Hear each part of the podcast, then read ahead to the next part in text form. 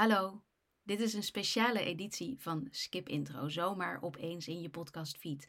Het is deze week namelijk precies 25 jaar geleden dat The Sopranos voor het eerst in Amerika op televisie kwam. Om dit te vieren willen we graag met jullie een special delen die we onlangs opnamen voor Patreon. De teletijdmachine over The Sopranos. Want The Sopranos, laten we wel wezen, is de televisieserie die alle goede televisie van de afgelopen jaren heeft geïnspireerd. Zonder de Sopranos was er waarschijnlijk geen skip intro. Daarom, speciaal voor jullie, voor alle fans van de Sopranos, een teletijdmachine over de beste serie die ooit is gemaakt. Veel luisterplezier en mochten jullie dit nou een leuke aflevering vinden, op onze Patreon pagina vind je nog veel meer teletijdmachines over hele leuke andere series. Veel luisterplezier. Skip intro. Welkom bij een nieuwe editie van Skip Intro's Teletijdmachine, waarin we je meenemen naar de belangrijke momenten uit de televisiegeschiedenis. Vandaag gaan we terug naar 10 januari 1999.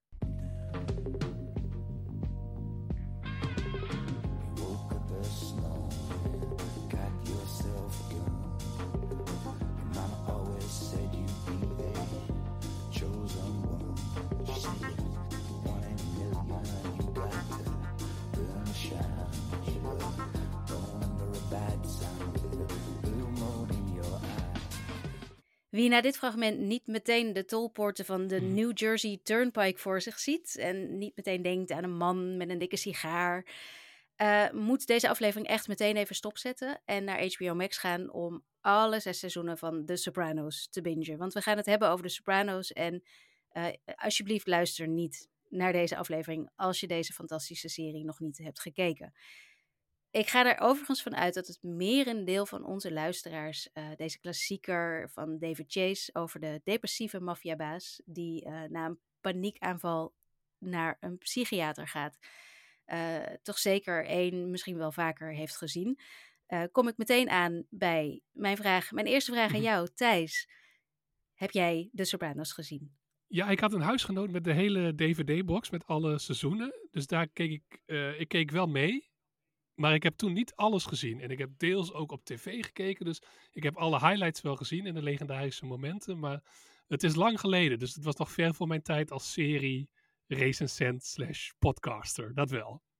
Ja, dat, dat geldt voor mij ook wel een beetje. Ik heb hem niet gezien toen hij in Nederland op televisie werd uitgezonden. Eh, en ik heb hem ook niet daarna gehuurd of zo, wat toen natuurlijk kon, Ja. de DVD-boxen. Ehm, maar ik ben, ik ben het eigenlijk een beetje toevallig gaan kijken, omdat ik eh, in New York was, uiteraard, in 2013. Eh, en toen werd ik door de krant gevraagd of ik een tour kon doen door New Jersey. De Sopranos Tour door New Oh Jersey. ja. En toen dacht ik, oh, dat is leuk. Alleen, oeh, ik heb nog helemaal niks gezien. Dus toen zijn Hans en ik samen gaan kijken. En we waren we natuurlijk compleet hoekt. En we hebben het die zomer helemaal eh gebinged, als ik me goed kan herinneren. Maar het was wel grappig dat ik die tour dus gedaan heb zonder dat ik alles heb gezien. Dus Hm. er werd heel veel voor mij gespoild. maar aan de andere kant was dat ook niet erg. Want ja, de Sopranos is zo goed dat het, ook al weet je hoe het eindigt, dat het allemaal nog steeds staat. Ja. En zoals ik net al zei, de Sopranos eh, werd gemaakt door David Chase. Hij was de showrunner en schrijver. Alhoewel er heel veel andere bekende schrijvers ook wel in deze writers room zaten. En hun eerste, ehm, ja, nou misschien niet hun eerste, maar wel hun grote kans kregen eh, bij de Sopranos. Waaronder ehm Terrence Winter, die uiteindelijk ook eh Boardwalk Empire en vele andere dingen heeft gemaakt. Zelfs eh, Michael Imperioli, de acteur die wij allemaal natuurlijk eh, ehm, kennen als Christopher in Mm, de ja. serie. Die ook in The White Lotus speelde onlangs. Die heeft ook meerdere afleveringen geschreven. Dus het was echt wel een broeinest van talent, kun je dat zo zeggen?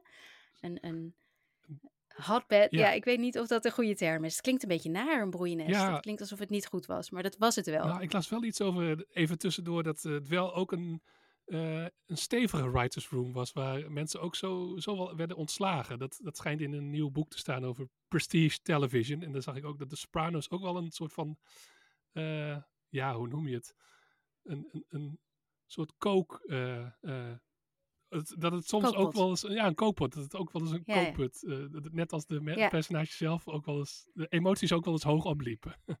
Ja, da- daar kan ik me zeker wel iets bij voorstellen. Eh, zeker ook in die tijd. Want 1999 was er echt wel een andere tijd voor de televisieserie. De Sopranos hebben ook, zoals, zoals we ondertussen wel weten, eigenlijk de gouden eeuw van de televisieserie ingeluid. Peak TV. Voor de Sopranos was er geen Peak TV. En na de Sopranos was er geen gewone tv meer eigenlijk. De prestige van de televisieserie, ehm, nou, die- die was er eigenlijk nog niet. Er waren goede televisieseries voor de Sopranos, maar zo goed als de Sopranos was, ehm, nou ja, dat, dat, dat kenden mensen nog niet. Wat mensen ook nog niet kenden, televisiekijkers in 1999, ehm, waren bijvoorbeeld verhaallijnen die een heel seizoen werden verteld. Of die een hele serie lang zelfs meegingen. Televisie was veel meer episodisch op dat moment. En veel meer iedere aflevering een nieuw verhaal verteld. En af en toe een klein draadje wat dan doorging. Denk aan een ER bijvoorbeeld, een van de meest populaire series van dat moment. De Sopranos gooide dat allemaal open en, en maakte eigenlijk, zette iets neer wat wij nu niet meer dan normaal vinden. Zo, een goede serie moet zo in elkaar zitten. Maar laten we nog even teruggaan naar 1999, 10 januari, zondagavond. Toen werd de eerste aflevering op HBO uitgezonden.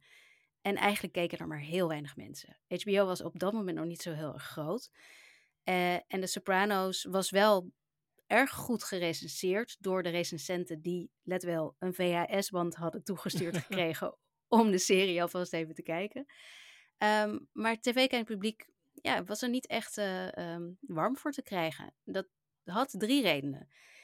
Eh, televisieseries waren gewoon niet zo bijzonder op dat moment, op een enkele uitzondering daar gelaten. Dus niemand dacht, oh, die nieuwe televisieserie komt nu op tv, we moeten allemaal inschakelen. Dat sowieso, het was nog geen kunstvorm eigenlijk. Het was gewoon het ondergeschoven kindje van Hollywood, min of meer.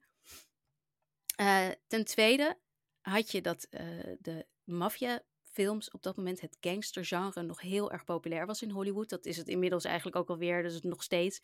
Maar toen had je net dat eigenlijk eh, het derde deel van The Godfather en eh, de film Goodfellas, die waren nog niet zo heel ver daarvoor uitgekomen. Wat, wat daarbij kwam was dat actrice Lorraine Bracco, dus eh, Dr. Melfi, die speelde natuurlijk in Goodfellas. Ja, zeker. En mensen wisten dat zij in de Sopranos zou spelen. Dus ze dachten gewoon dat de Sopranos ja, eigenlijk een soort van tv-variant van Goodfellas zou zijn. Dus ook daarin dachten ze niet, dacht de gemiddelde tv-kijker niet van, nou, dit, dit moet ik eens eventjes zien. En dan had je ook nog ehm, dat er op, op dat moment heel veel trailers in de bioscoop waren van, het, eh, van de nieuwe Robert De Niro film die een paar maanden later zou uitkomen, Analyze This, waarin hij een maffiabaas Oh, ja. in therapie speelde. En dat was natuurlijk een beetje een flauwe comedy. Dus mensen dachten, De Sopranos is vast een flauwe comedy. Nou ja, het duurde een paar weken. Toen was eh, aflevering 5 daar. En eh, de aflevering genaamd College. En in College gaat Tony Soprano, natuurlijk gespeeld door de geweldige James Gandolfini, samen met zijn dochter Meadow eh, op pad naar een aantal universiteiten om te kijken waar ze eventueel naartoe kan gaan. En daar, als hij dus niet in New Jersey, niet thuis is, eh burgt Tony Soprano een oude vijand die hij is tegengekomen. En vanaf dat moment was duidelijk, de Sopranos is andere koek.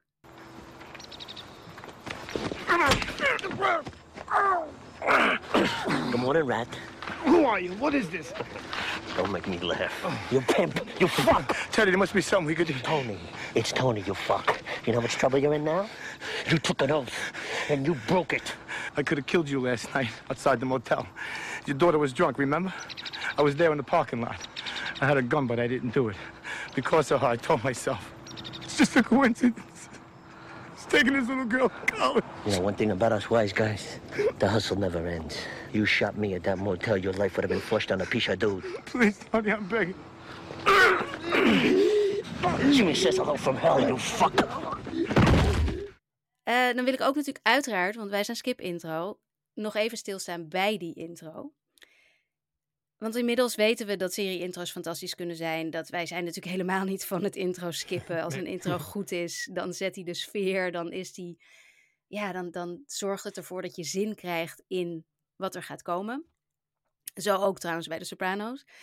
Ehm, maar in 1999 waren de intro's eigenlijk ja, heel standaard. Ze waren niet zo lang of, of niet zo bijzonder. Eh, wat je heel vaak had, was een beetje dat ja, ik, ik noem het altijd een beetje het Full House principe, Ja. waarin je van die lachende mensen hebt die in de camera kijken terwijl hun naam Heel onder in beeld cheesy. verschijnt. Ja. Ja, bijna allemaal waren ze zo.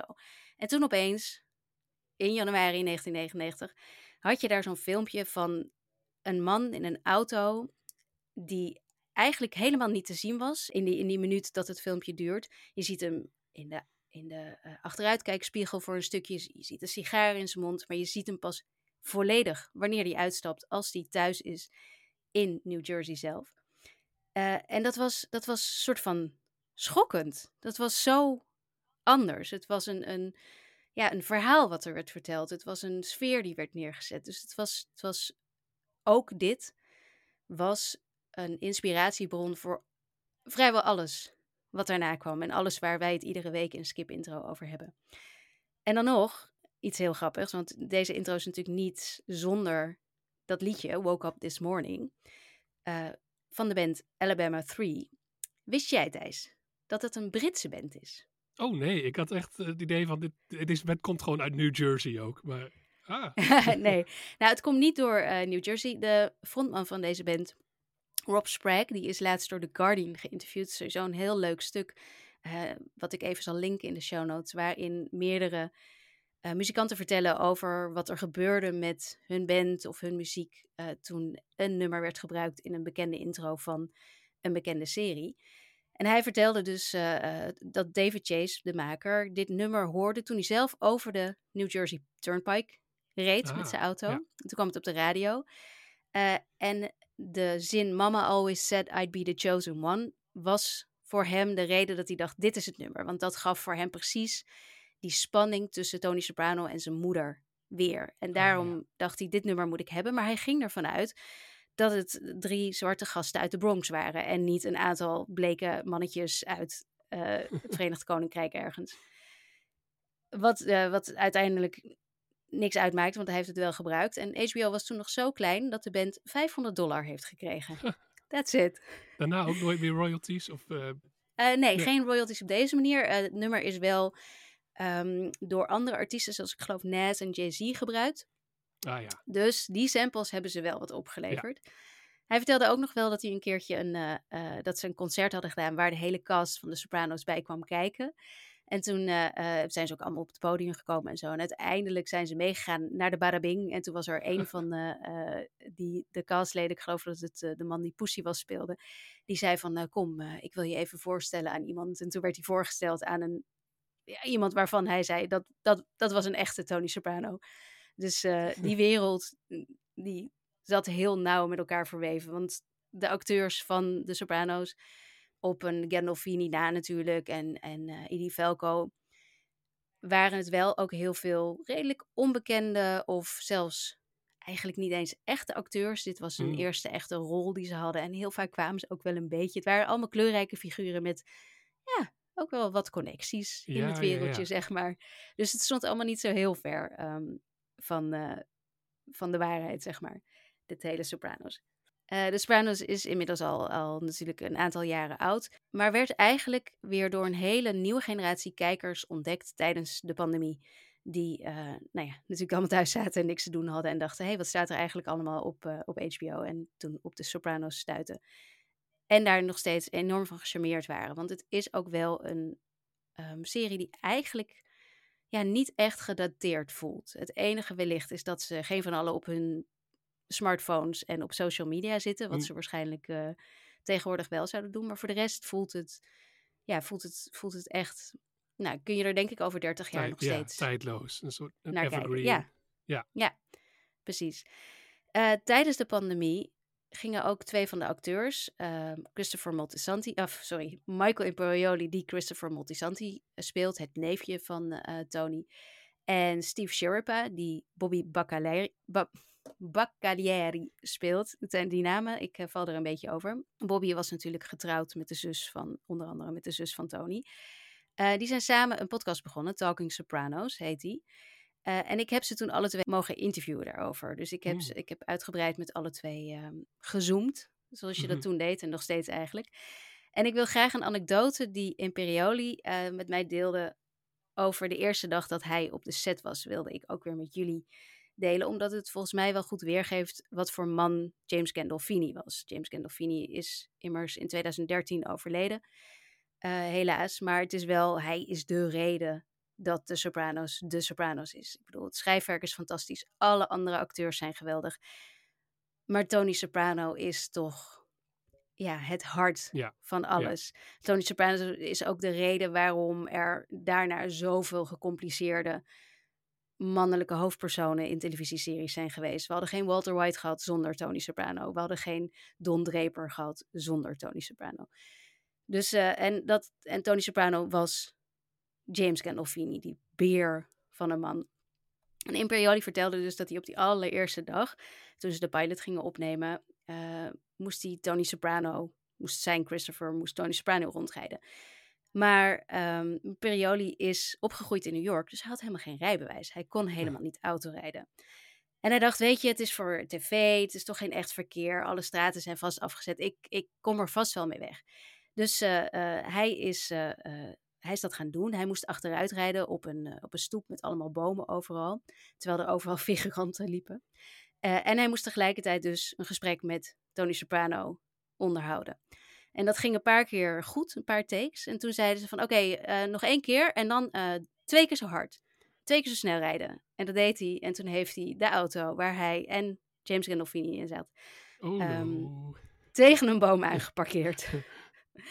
Eh, een flinke botsing, zei hij. De achterkant van de auto was beschadigd en de airbags waren geactiveerd.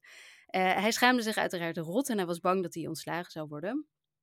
Eh, en het was ook allemaal heel oncomfortabel en iedereen was stil en gepijnigd totdat Jim, zoals ze hem noemen, dus James, heel hard begon te lachen. En dat was het moment waarop alles oké was en ook waarop hij het idee had, dit komt wel goed. En, en hij zei, vanaf dat moment waren we goede vrienden.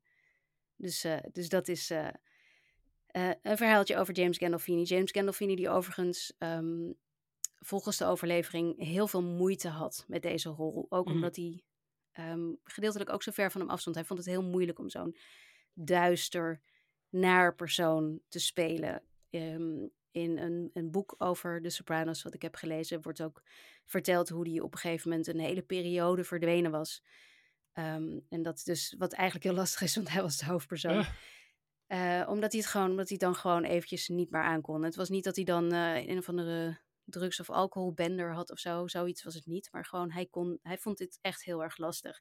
En ik moet ook zeggen dat ik pas door had hoe goed hij dit speelt. Op het moment dat ik hem na zijn dood in de film Enough Said za- zag. Met eh, Julia Louis-Dreyfus. Hmm. Heb je die wel eens gezien? Nee, die staat al heel lang op mijn kijklijst op Letterboxd, de filmsite, die social media site.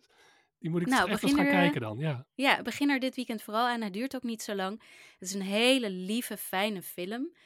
eh, waarin hij dus een ontzettend tedere, leuke man speelt. Wat nou, niet verder af kan staan van, eh, van Ja. Tony Soprano. Dus het, ja, James, het is nog steeds ontzettend jammer Ja. dat deze man er niet meer is. Die, die rol ligt waarschijnlijk veel dichter bij hem, bij de echte. Want alles wat ik over hem heb gelezen is, eh, ja, staat hij ook bekend als zeer sympathiek en een, en een fijne man. Dus, ja, eh, ja. dat maakt het Ja, extra toen hij dus na die, na die paar dagen dat hij weg was geweest weer terugkwam op de set, had hij ook voor iedereen ehm, iets eten, geloof ik, besteld. En, en echt zijn Mm. excuses aangeboden. Ik geloof dat hij zelfs gecompenseerd heeft in geld en dat soort Oh, dingen. ja. Dus het was Ja. inderdaad ook. Het was geen, ehm, het was, het was geen Tony Soprano Nee. in het echt. Absoluut niet. Ehm, ik kan natuurlijk nog, nog heel veel vertellen over die fantastische cast.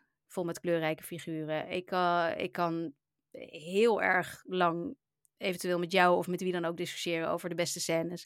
eh, of over de beste afleveringen. Eh, ik vind Pine Barren, maar niet iedereen. Ik bedoel, de meeste mensen vinden Pine Barren wel heel erg goed. In het maar, bos, toch? Is dat die aflevering? Ja, dat is die in het ja. bos. Ja.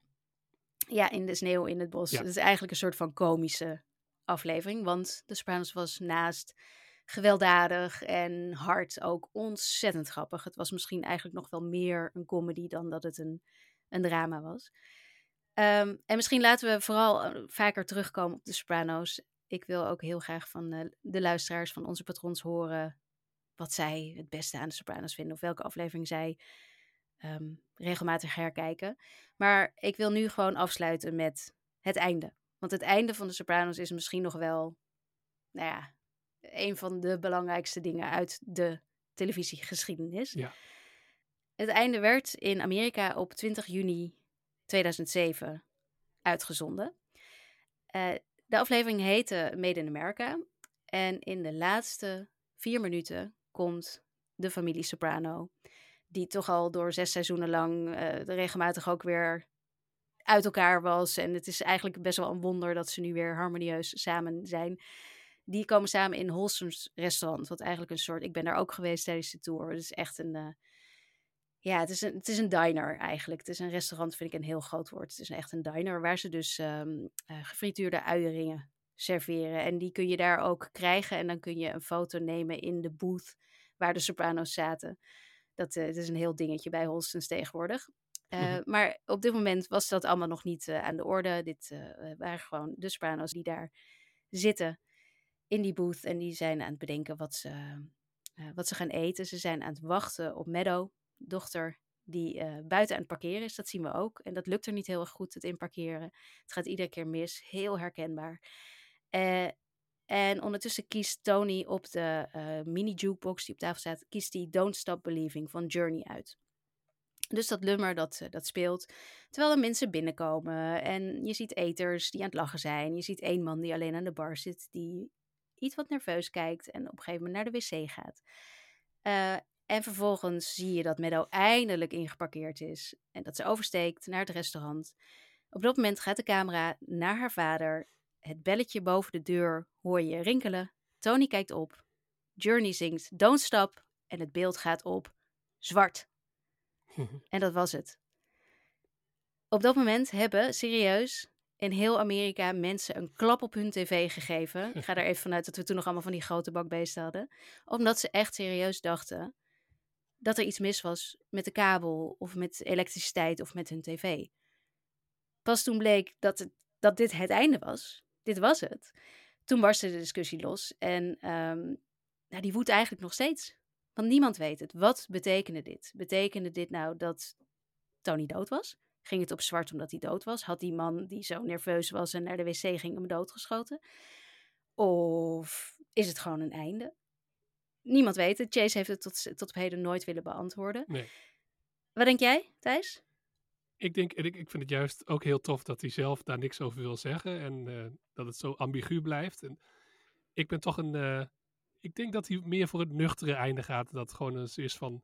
Het verhaal wat wij willen vertellen is over. Het is niet per se dat er nog een soort climax was, maar dit is het. We stoppen het hier, want nu is het niet interessant meer. Dus mijn idee is niet dat er opeens een schietpartij in die diner eh, ontstaat of zo. Maar dat, Dus jij zegt, hij leeft. hij leeft, ja. Ja, nou dat, eh, ik heb het natuurlijk ook aan, eh, aan de twee acteurs gevraagd die ik geïnterviewd heb. En eh Sherpa zei, ik denk dat hij levend en wel is en gewoon in New Jersey woont.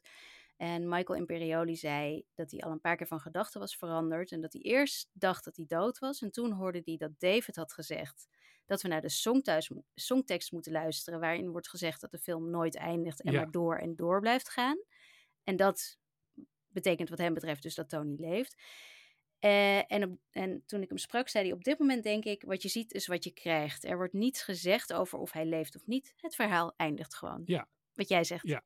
Eigenlijk. Showrunner David Chase, die wordt er natuurlijk ook altijd naar gevraagd. Eh, en wat hij erover zegt, is eigenlijk vooral dat hij het helemaal niet leuk vindt dat er zo over gespeculeerd wordt. Hij vertelde de Hollywood Reporter dat hij het zo vervelend vindt dat er zoveel mensen zijn die willen dat Tony dood is. Ja, dat hij ja. vermoord werd. En dat zat hem echt een beetje dwars. Eh, het zat hem dwars dat ze, eh, dat ze hem willen zien met zijn gezicht in de linguini. Ehm, en, eh, en hij snapt het niet, want hij zegt: Jullie hebben deze, deze man zeven jaar lang gevolgd. En ik, ja, hij is een crimineel, maar ik geloof niet dat jullie ook niet van hem houden. Waarom willen jullie hem allemaal dood hebben? nou ja, dat, eh, dat is zijn eh, idee. Dus je kunt daaruit opmaken wat je wil. Ik heb al ik heb, ik heb verschillende verhalen gehoord en ehm, ik vind het gewoon nog steeds een van de meest fantastische momenten. En ik weet nog wel dat ik het zelf zag en ik wist dat het komen ging. En toch was ik in shock. Dat ik dacht, nee! Want ik was natuurlijk al gespoild tijdens de Sopranos Ja, Tour door ja, New Jersey. Ehm, en dat is een beetje mijn eh, Sopranos verhaal. Heb jij nog, heb je nog een vraag voor me, Thijs? Ehm, even denken. Eh, ja, wat vond je het? Want je, je zei het is eh, meer tragicomedy, als we het misschien zo moeten samenvatten. Maar wat vond je het meest deprimerende of heftige moment van de hele serie? Ben ik wel benieuwd naar, want ik kan me wel een paar heftige herinneren. Ehm, je hebt die. ehm, ik ben even de naam kwijt van die, eh, van die hele, hele, hele nare man. Die eh, op een gegeven moment ook samen is met zijn zus, met Tony's zus. Ehm, en die dan dat hele, die hele scène over dat paard, die is zowel grappig. Dus Mm. in de keuken, dan krijgen ze een vechtpartij en Oh zo. ja. Die is zowel grappig als eh, heel heftig.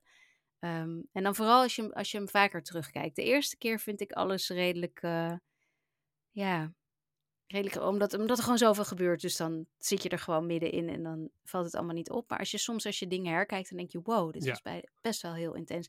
En er is er ook eentje, moet ik aan denken, aan eh, volgens mij een medewerkster van de Bada Bing, die op de parkeerplaats hevig in elkaar wordt geslagen, als ik het goed heb onthouden. Dus dat zijn, het zijn, het zijn vooral de gewelddadige dingen die ik altijd toch Ja. wel eh, shocking vond. Jij? viel misschien meer op omdat eh, het ook vaak een heel, heel rustig tempo had. En eh, soms ook, ja, inderdaad, niet, er gebeurde niet zoveel bijzonders. En dan, als er opeens ultra-geweld eh, in beeld kwam, dan is het Ja. juist extra impact. Ik, ik kan me niet, het, wat ik zei, het is te lang geleden. Ik kan me wel, was er niet één personage die, die werd dan ook naar de bossen gereden? En, de- Ja, Adriana. Adriana, ja, dat kan ik me wel ik denk, als ik die, die moet ik dan noemen, van, dat was ook wel... eh, Ja.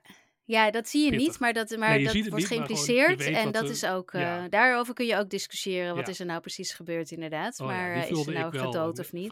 Ja, iedereen, Ja. iedereen. Ja, ja ik, ik had trouwens ook nog dat Michael Imperioli vertelde mij ook nog dat de scène waarover hij het meest wordt aangesproken, waar mensen echt boos op hem zijn om die scène, is dat hij dus Adriana's hond doodt door, Oh, door ja. op het beest te gaan zitten. En mensen zijn er echt nog steeds boos over, terwijl hij zegt zelf, ik moest gewoon op een knuffel gaan zitten. Ja. Maar, maar dat is, Christopher heeft zoveel nare, slechte dingen gedaan. Maar dit is waar mensen hem persoonlijk nog steeds op aanspreken. Why did you have to kill the dog? Oh, ja. Dus dat, eh, ja, voor iedereen eh, een, eigen, een eigen ding. Maar ja, de Sopranos dus. Alle zes seizoenen staan natuurlijk op HBO Max bij ons in Nederland. En ehm, nou ja, laten we eruit gaan met Don't Stop Believing.